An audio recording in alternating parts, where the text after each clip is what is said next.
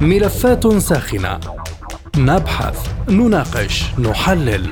نتابع التفاصيل اولا بأول. ملفات ساخنة. برنامج يلقي الضوء على كل الملفات. مع باقة من أبرز المحللين والمسؤولين. أهلا بكم مستمعينا الكرام في حلقة جديدة من ملفات ساخنة وهذه جيهان لطفي تحييكم. في حلقة اليوم نناقش التعاون العسكري بين روسيا وبيلاروسيا ومستقبل الشراكة الاستراتيجية بين البلدين.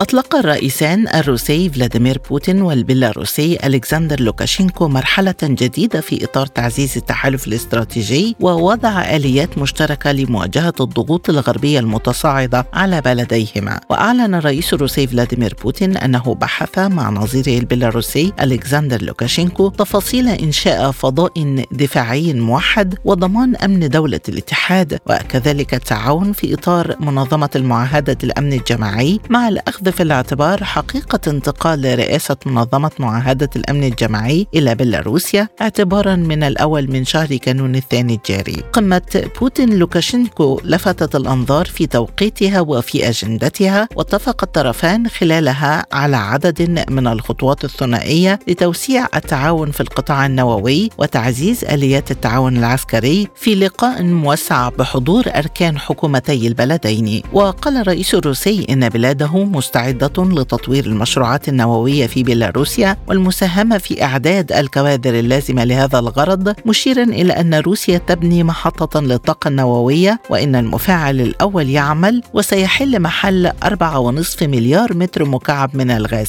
معربا عن استعداد روسيا لمواصلة تطوير هذا المشروع وبناء المزيد من المفاعلات لكن الأكثر أهمية هو أنها مستعدة وتقوم بإنشاء الصناعة وتدريب الكوادر الوطنية وتطوير العلوم بطريقة مناسبة. وأوضح بوتين أن موسكو ومنسك لديهما اتفاقيات محددة وقد حقق الطرفان نجاحا في التقدم بخطوات ملموسة على صعيد استبدال الواردات من الغرب وتطوير آليات التبادل التجاري الثنائي. يذكر أن التبادل التجاري بين روسيا وبيلاروسيا تطور بنسبة 10% خلال الأشهر العشرة الأخيرة من العام الجاري وقد يبلغ رقما قياسيا يصل إلى نحو 40 مليار دولار. وشدد بوتين على أن بيلاروسيا ليست جارة طيبة لروسيا فقط لكنها حليف أيضا وبناء على ذلك يتم حل جميع القضايا المطروحة. وتطرق بوتين بشكل سريع إلى ملف التعاون العسكري التقني بين البلدين وقال إنه لا يتعلق فقط بتوريد المعدات لكن أيضا بنشاط مشترك متعدد الوجهات وبتعاون تقني يشمل تطوير صناعات التكنولوجيا الفائقة وهناك خطط مماثلة في مجال الفضاء. بدوره أعرب الرئيس البيلاروسي ألكسندر لوكاشينكو خلال اللقاء عن ثقته بقدرة الطرفين على الاستجابة للتحديات الجديدة وقال إنه بفضل الخطوات المشتركة تمكنت مينسك وموسكو من منع العواقب السلبية المحتملة للعقوبات الغربية. وعلى المستوى الخارجي دعا لوكاشينكو الاتحاد الأوروبي إلى أن يغلب صوت العقل في علاقاته مع كل من موسكو ومينسك مؤكدا انفتاح الطرفين على الحوار وأعرب عن أمله في أن يصغوا قريبا إلى صوت العقل والانتقال إلى مفاوضات بناءه في مجالي الأمن والنظام العالمي المستقبلي. حول ملف التعاون العسكري بين روسيا وبيلاروسيا ومستقبل الشراكة الاستراتيجية بين البلدين تدور نقاشاتنا في حلقة اليوم من ملفات ساخنة.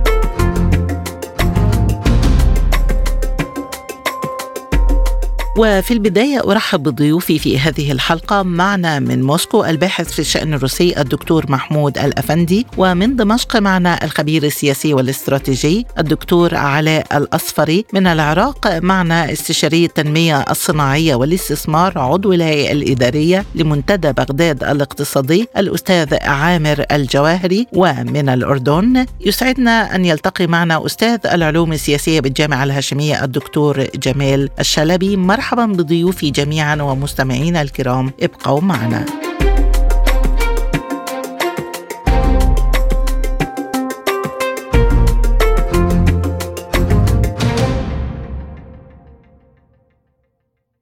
البداية من موسكو ومنها ينضم إلينا الباحث في الشأن الروسي الدكتور محمود الأفندي. مرحبا بك معنا دكتور محمود عبر أثير سبوتنيك. وبداية ما أهمية توقيت هذه القمة وأجندتها؟ ولماذا توصف بأنها قمة استثنائية؟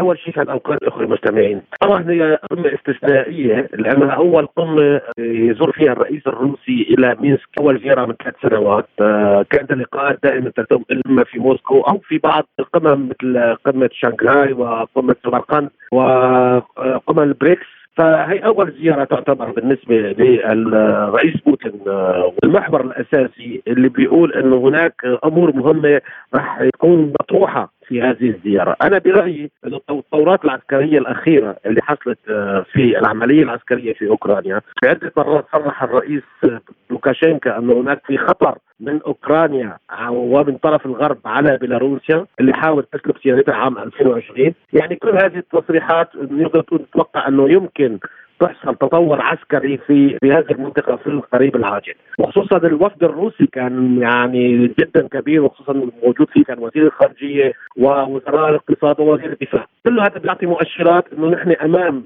تغيير استراتيجي في العملية العسكرية. في المستقبل القريب يعني إذا بس رجعنا شوي لاربع أيام كان هناك زيارة للرئيس الروسي إلى آه، مركز العمليات العسكرية في روسيا. كان هناك آه، قلعة جوية لوزير الدفاع الروسي شيكو على الجبهه العسكرية راقب الجبهة العسكرية الأوكرانية في العملية العسكرية بين أوكرانيا وروسيا. والآن الزيارة هي يعني إنه في تطورات رح تصير في المرحلة القادمة. أما هي تغيير عسكري من طرف الجيش الروسي على الحدود البيلاروسيه أو ما يسمى تغيير تكتيكي استراتيجي بالعملية العسكرية. يعني وضع تهديد لحكومة كييف أن هناك خطأ. فحتى الآن هي رسائل. بالحديث عن هذه النقطة دكتور محمود موسكو استبعدت انخراط بيلاروسيا في العملية العسكرية برأيك هل يقتصر تطوير العلاقات على إجراءات احترازية دفاعية ولماذا تصر أطراف غربية على الترويج لأن بيلاروسيا بصدد الانخراط في عملية عسكرية؟ هلا بالنسبة للطرف الغربي تعتمد على أسس معينة وجود 200 ألف مقاتل روسي في هذه المنطقة. فهناك يعني بعض القواعد اللي عم بتركز عليها الإعلام الغربي أو ما يسمى المصادر الغربية. ولكن بنفس الوقت هناك يعني نقطة مهمة جدا إنه العملية العسكرية الآن في أوكرانيا إلى راح يكون فيها اتجاه جديد في مطلع العام القادم. لأنه فعليا روسيا تريد إنهاء العملية العسكرية وخضوع أوكرانيا للتفاوض. فيمكن أن هذا التهديد المباشر أو غير المباشر عن طريق بيلاروسيا يقنع أوكرانيا على التفاوض. ف كل هذه التصريحات إلى يعني ما يسمى بعض العوامل أو بعض الأسس اللي عم يعتمد عليها الإعلام الغربي، بنفس الوقت يعني بنعلم جيدا أن العملية العسكرية إذا كنت رح تتم رح تكون بشكل مفاجئ، فدائما الحرب مفاجأة، الحرب هي تتضمن عنصر مفاجاه الاساسي لتقدم القوات أو نجاح العملية العسكرية، فيمكن الرفض الروسي بيكون محمول على أساس المفاجأة بنفس الوقت، نعلم جيدا أن الرئيس لوكاشينكا صرح عدة مرات بهذه التصريحات أنه بيلاروسيا مستعدة، ولكن انخراط بيلاروسيا في العملية العسكرية خلينا نقول هذا مستبعد نوعا ما. يمكن أن تقوم فيه القوات الروسية ولكن باتخاذ أراضي أوكرانية أو فتح الجبهه عن طريق الأراضي البيلاروسية، فالانخراط خلينا نقول بشكل غير مباشر. إذا هل يمثل إنشاء فضاء دفاعي مشترك بين البلدين نقلة نوعية في العلاقات الاستراتيجية بين روسيا وبيلاروسيا؟ طبعا هذا شيء مهم جدا. يعني انتشار ال S 400 الآن في سماء آه، بيلاروسيا. هذا يؤدي فعليا إلى ضمان عدم قصف بيلاروسيا من طرف أوكرانيا عن طريق صواريخ بعيدة المدى. وبنفس الوقت انتشار صواريخ اسكندر آه، الروسية الآن موجودة في بيلاروسيا. هذا بيعني إنه هي منصات لإطلاق الصواريخ باتجاه كييف. يعني فينا نقول إنه بعد محاوله الغرب لتغطية سماء كييف بمنظومات دفاع جوي راح يزداد العبء على حلف الناتو بعدة مرات لأنه تغطية سماء كييف تصبح صعبه جدا إذا انتشرت صواريخ اسكندر إم في بيلاروسيا. وبنفس الوقت انتشار الإس 400 في بيلاروسيا هذا بيعني إذا حصل هجوم مضاد من أوكرانيا تصدى له الدفاعات الجوية المشتركة الروسية بيلاروسيه يعني هذا ليس من فضاء أو ليس من غريب إنه تبدأ العملية العسكرية الآن من طرف بيلاروسيا لأنه فعليا يمكن أن يحصل في أي وقت. خلينا نكون واقعيين. الآن الغرب منخرط أو الحلف الناتو منخرط بالحرب مع أوكرانيا. يمدوا في السلاح يمدوا في الخبرة العسكرية. الآن منظومة الدفاع الجوي الباتريوت راح تنتشر في أوكرانيا. هذا يعني تدخل مباشر لأنه فعليا المنظومة معقدة وبحاجة إلى تدريب لعدة أشهر. ففعليا نقول إنه في الآن مهندسين عسكريين غربيين يقودون منظومة الباتريوت. فلذلك روسيا ترد بما يسمى السلاح البيلاروسي أو التدخل البيلاروسي في هذه المنطقة. هي حتى الآن عبارة عن رسائل آه، حتى الآن رسائل الغرب. ولكن كيف يفهمها الغرب وكيف ستتصرف روسيا؟ نعلم جيدا أن من مميزات الدولة الروسية أن تحفظ الأسرار كما أنا أذكر كلمة لرئيس الوزراء البريطاني السابق الراحل تشرشل لما قال من الصعب أن تفوز على روسيا لأن تحفظ أسرارها حتى على حلفائها. فهون الأمر آه، بعض المحللين يقولون يرفضون وبعض المحللين يؤيدون ولكن السر العسكري موجود. فحتى الآن فينا نتوقع أي شيء يكون بعد رأس السنة أو بالأيام القريبة القادمة. نعم دكتور وبالإضافة إلى الفضاء الدفاعي هناك خطط للتعاون النووي وأيضا خطط للتعاون في مجال تصنيع الأسلحة برأيك كيف سيؤثر هذا التعاون العسكري واسع النطاق بين البلدين على مستقبل الشراكة الاستراتيجية بين البلدين وهل يمكن أن يذهب إلى ما هو أبعد من الرسائل والوضع المؤقت المرتبط بالعملية العسكرية؟ هلا فعليا بعد الانقلاب الفاشل اللي حاولت آه، أوروبا تدعمه ب 2020 عن طريق رفض الانتخابات الشرعية اللي حصلت آه، الرئيس البيلاروسي فهم بشكل جيد أن العدو المباشر هو أوروبا وليس الدول الأخرى، يعني فعليا الرئيس البيلاروسي لم يكن له خيار غير الانضمام إلى روسيا، لأنه فعليا اصبح بيلاروسيا مهددة، يعني نعلم جيدا الولايات المتحدة الأمريكية تحاول التقدم أو تحاول التغلغل في كل دول الاتحاد السوفيتي السوفيتي السابق وخصوصا الدول التي لها حدود مع روسيا. نذكر انه اللي حصل ببيلاروس عام 2020 واللي حصل في كازاخستان في أوائل السنة 2022 آه، هذا كان يؤدي فعليا إلى تدخل عسكري مباشر من قبل الجيش الروسي ننسى أن منظومة الدفاع المشترك دخلت إلى كازاخستان. فهون الرئيس البيلاروسي غير استراتيجيته فبدأ الانخراط فيما يسمى الاتفاق مع روسيا في كل الاتجاهات إن كان اتفاق اقتصادي أو استراتيجي عسكري أو سياسي. يعني فينا نقول الرئيس بيلاروسي اتجه بالقرار السياسي أعطى القرار السياسي إلى الكرملين، هذا أمر واضح لأنه كما قال امبارح بالمؤتمر الصحفي، يعني كان صريح الرئيس لوكاشينكا عندما قال ليس لنا مخرج من بيلاروسيا لنحافظ على سيادتنا غير التعاون مع روسيا، يعني فينا نقول نحن على أبواب اتفاق مشترك أو وحدة مشتركة بين روسيا وبيلاروسيا على خلاف آه، الاتحاد السوفيتي. يعني هناك رئيسين هناك دولتين ولكن كل القرارات السياسية العسكرية الاستراتيجية الاقتصادية راح تكون تقريبا مشتركة والحفاظ على مصلحة آه، كل دولة تحافظ على مصلحتها ولا تضر بمصلحة الدولة الأخرى، يعني نحن نقول نحن أمام اتحاد ولكن اتحاد من نوع جديد، فهي الأمور حاليا اللي باعتقادي هي الأساسية الآن في هذه القمة، يعني الوفد كان الروسي كان كبير جدا بكل المجالات، هذا يعني كان عم ندرس امبارح وضع الاقتصادي، وضع العقوبات، وضع الحماية العسكرية، الاستراتيجية العسكرية، الوضع السياسي، يعني فينا نقول إنه إحنا أمام اتحاد بين دولتين ولكن برئيسين، فانخراط بيلاروسيا آه، أو مساعدة بيلاروسيا إلى روسيا هذا حيكون شيء طبيعي في مستقبل العملية العسكرية في أوكرانيا. إذا دكتور محمود إلى أي مدى سيؤثر هذا التعاون على تجنب الآثار السلبية للعقوبات خاصة على صعيد التجارة الدولية؟ وحضرتك تحدثت عن وفد اقتصادي وأيضا هذه الزيارة تزامنت مع اتفاق أوروبا على وضع سقف الأسعار الغاز.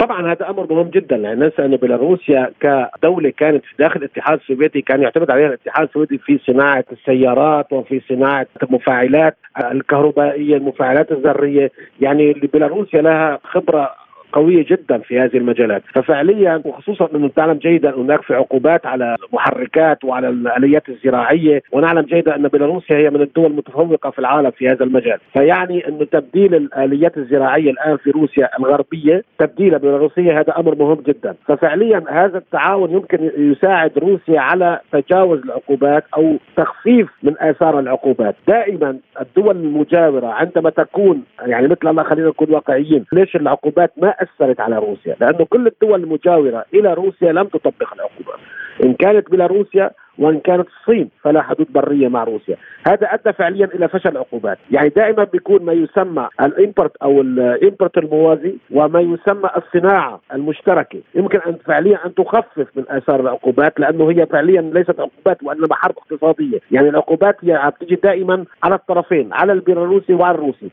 فتوحيد الجهود الاقتصادية لهذه الدولتين أمر مهم جدا. وخصوصا أن الدول المجاورة مثل كازاخستان والصين وأيضا دول الاتحاد السوفيتي السابق لم طبقت العقوبات.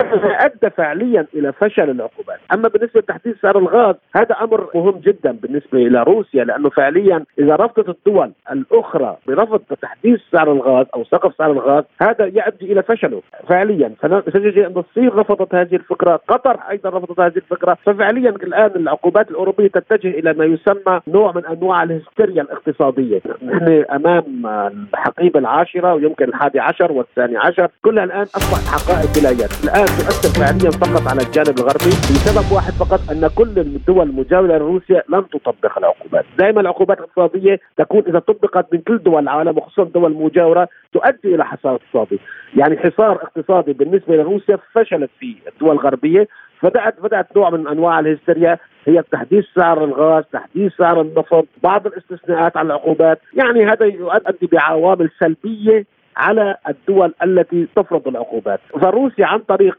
استراتيجيتها مع الدول المجاورة والدول العالم الآخر أدت فعليا إلى فشل العقوبات على روسيا. من موسكو كنت معنا الدكتور محمود الأفندي الباحث في الشأن الروسي. شكرا جزيلا على هذه الإيضاحات.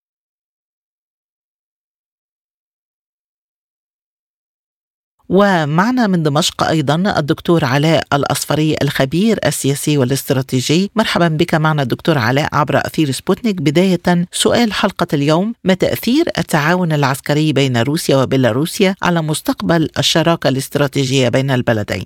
اولا أسعد الله أوقات الساده المستمعين، طبعا هناك تأثير كبير العلاقات الروسية البيلاروسية. هي علاقات كبيرة منذ انفصال بيلاروسيا عن الاتحاد السوفيتي في عام 91 اليوم هناك تعاون اقتصادي ضخم وعلمي وحربي وعسكري بين البلدين حيث تعتبر بيلاروسيا بأن روسيا هي المصدر الأكبر للنشاط الاقتصادي في بيلاروسيا، هناك كثير من التعاون بين الدولتين وتشابه حتى في النظره إلى الإقليم وبيلاروسيا تسعى الآن لفرض وجودها وحماية حدودها بعيدا عن استفزازات الناتو. طيب دكتور قمة الرئيسين بوتين ولوكاشينكو شهدت الاتفاق على تعاون عسكري واسع النطاق إلى أي مدى سيؤثر هذا في معادلة الأمن الجماعي الأوروبي خاصة مع وجود الناتو على الحدود البيلاروسية في بولندا؟ أعتقد إن له تأثير كبير على الأمن الجماعي الأوروبي، اليوم تشعر بيلاروسيا بالخطر الكبير وخاصة الجاثم على حدودها مع أوكرانيا ومع بولندا، اليوم الناتو يعتبر بولندا هي الجزء الحامي المقبل من المعركة مع روسيا، يعني يريد الناتو استفزاز المنطقة بشكل كبير وبالتالي محاولة الآن الناتو أن يكون له تواجد عملاق في بولندا، هذا ما يشكل خطر داهم على الأمن القومي البيلاروسي، لذلك سارعت بيلاروسيا روسيا لأن تعلن موقفها بصراحة بأن هناك مناورات عسكرية كبيرة مع روسيا وقد تشارك بها الصين. تتحضر المنطقة على ما يبدو للتوسع في جبهات القتال علما أن روسيا والسيد بوتين لا أعتقد بأنهم يخططوا لتوسيع الحرب. ليس هناك مصلحة لكل الأطراف في الحرب الروسية الأوكرانية. ولكن بيلاروسيا تريد أن تحمي حدودها وأن يكون هناك عمق ومزيد من التعاون مع روسيا لضمان أمن مستقبل هذه البلد. إذا برأيك إلى أي مدى سيؤثر هذا التعاون وخاصة الفضاء الدفاعي المشترك على سير الأزمة في أوكرانيا وعلى العملية العسكرية؟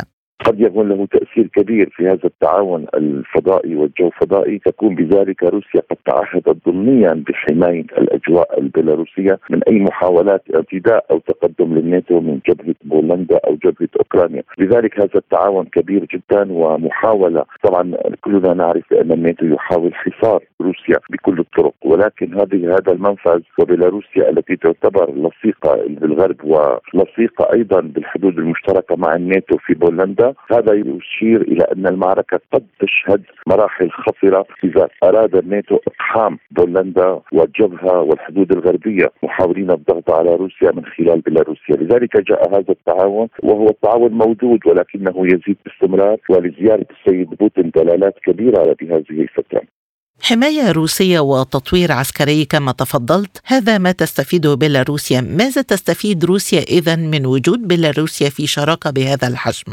الطرفين يستفيدان. اولا روسيا تتوسع بشكل استراتيجي يعني يجب أن يكون لدى روسيا أصدقاء في المحيط. نعرف أن روسيا محاطة بكثير من الأعداء في كثير من الجبهات وبالتالي الغرب يحاول فرض هيمنة سواء كانت عسكرية أو اقتصادية لحصار روسيا. فبينما بيلاروسيا تستفيد كثيرا من الواردات هناك حجم تبادل يفوق ال 30 مليار دولار ووعد السيد بوتين بأن يصل إلى 40 مليار دولار. هناك قروض كثيرة روسية إلى بيلاروسيا. هناك كل ما يمس الطاقة في بيلاروسيا تعتمد بشكل كامل على روسيا. لذلك بيلاروسيا خيارها الوحيد أن تكون بجانب روسيا في كل أزماتها وإلا لا سمح الله تتعرض لاختناق مفاجئ وقاتل. لذلك هذه الشراكة الاستراتيجية الكبيرة اولا يضمن السيد بوتين أيضا أن الحدود البيلاروسية الأوكرانية أيضا هي تحت سيطره البيلاروس وهم أصدقاء للروس وثانيا يخفف الحصار على روسيا اقتصاديا وعسكريا بوجود كل هذه الكتله من الناتو في أوكرانيا وبولندا. أيضا الرئيس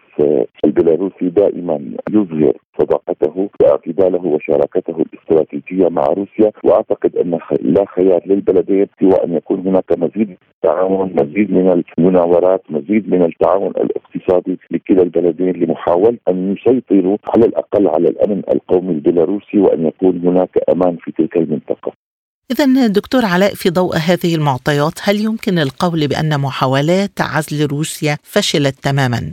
ما زالت تفشل يعني لم أقل بأنها فشلت بشكل كلي ولكنها ما تزال روسيا تخترع الحلول لمنع الحصار الغربي والأمريكي المفرط عليها سواء في الاقتصاد عندما حاول الأوروبيون تحديد سعر الغاز. ومن ثم النفط وروسيا تلعب الآن بذكاء كبير في الموضوع الاقتصادي. كلنا نعرف بأن الاقتصاد يساهم إلى حد كبير في نتائج هذه المعركة الشرسة التي تقودها روسيا ضد التواجد الناتوي. في أوكرانيا وضد محاولات حصارها. لذلك في تاريخ هذه اللحظة أعتقد بأن هناك ذريع للسياسات العسكرية والاقتصادية الأمريكية والغربية على روسيا. مع ذلك في تاريخ هذه اللحظة روسيا تقاتل بشراسة وبنجاح. وبالتالي أعتقد بأن النصر سوف يكون بإذن الله حليف روسيا.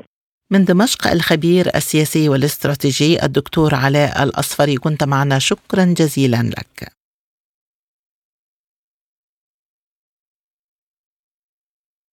وحول الجانب الاقتصادي معنا من بغداد استشاري التنمية الصناعية والاستثمار وعضو الهيئة الإدارية لمنتدى بغداد الاقتصادي السيد عامر الجواهري مرحبا بك معنا أستاذ عامر. وبداية زيارة الرئيس بوتين لبيلاروسيا تضمنت وفدا اقتصاديا موسعا ما هي أفاق التعاون الاقتصادي بين البلدين؟ تحياتي. بالتأكيد هناك آفاق للتعاون الاقتصادي بين روسيا وبيلاروسيا. لكن الفرق بين الاقتصادين كبير. الفرق بين الدولتين من كافة الجوانب كبير. مع ذلك هو نتوقع هناك نتائج على الصعيد خاصة النطاق البيلاروسي يعني مثلا في الطاقة النووية وفي الصناعة متزايدة لأن ما يشكله حركة السوق والتجارية بين البلدين لا لا نتوقع ارتفاعا كبيرا يؤدي إلى إلى صدى. على سبيل المثال هناك التوقعات أنه تكون ما بين 40 إلى 50 مليار دولار التبادل التجاري. في حين بين البلدين. في حين آه، التبادل التجاري بين روسيا وغيرها من بلدان العالم من الممكن أن تكون أكبر اخذا من نظر الاعتبار صادرات النفط والغاز. الروسيا التي ستنخفض كثيرا إلى دول الغربية بالذات. عليه الذي نعتقده من خلال هذا المنبر أنه الآثار السلبية للعقوبات سترتفع ولن تنخفض. وهناك تصاعد سياسي آه، واحتدام عسكري متصاعد. لا نرى حقيقة. ممكن أن تكون هناك نتائج إيجابية للبلدان والشعوب من خلال هذه الحروب. عليه لابد قد يكون هذا الاتفاق الروسي البيلاروسي حافزا اضافيا إلى كيف إلى أوكرانيا أن تتشجع باتجاه الاتفاق السلمي أو المفاوضات السلمية أسرع. لكن بنفس الوقت هناك تصريحات وخاصة من الأمين العام للأمم المتحدة إنها قد تطول المفاوضات السلمية قد تطول. عليه باعتقادي ضرورة التحرك أسرع نحو التفاوض لأنه ما يجري في أوروبا ينعكس ليس فقط على شعوب أوروبا إنما بدأ ينعكس وسيزداد انعكاسه على باقي دول العالم وبالذات بلداننا في الشرق الأوسط لأنه أدى إلى تباطؤ كبير في النمو الاقتصادي وفي الاستثمار وزيادات في التضخم وارتفاع في الركود الاقتصادي هذا لن يخدم احدا لن يخدم شعوب العالم كافة وبالذات أولها شعوب البلدان المتحاربة إذا إلى أي مدى يمكن أن يسهم هذا التعاون في تجاوز الآثار السلبية للعقوبات؟ هناك عوامل إيجابية لهذا الاتفاق الروسي بيلاروسي لكن لن يغطي الفجوة الكبيرة السلبية.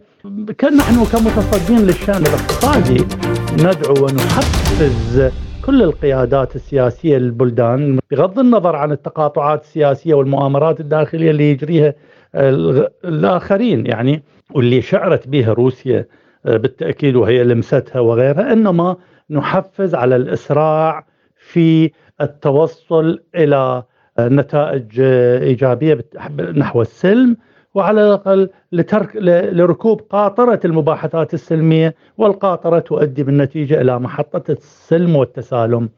من بغداد استشاري التنمية الصناعية والاستثمار عضو الهيئة الإدارية لمنتدى بغداد الاقتصادي الأستاذ عامر الجواهري كنت معنا شكرا جزيلا لك.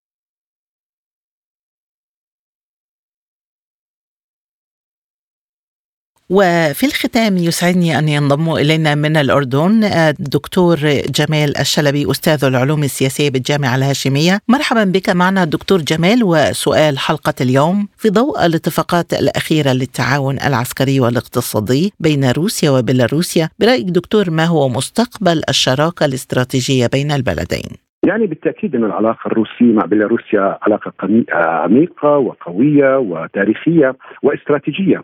ونحن نعرف بان الدولة الروسية لها حدود مع بيلاروسيا وتعتبر شريك بشكل أو بآخر في الصراع القائم في أوكرانيا.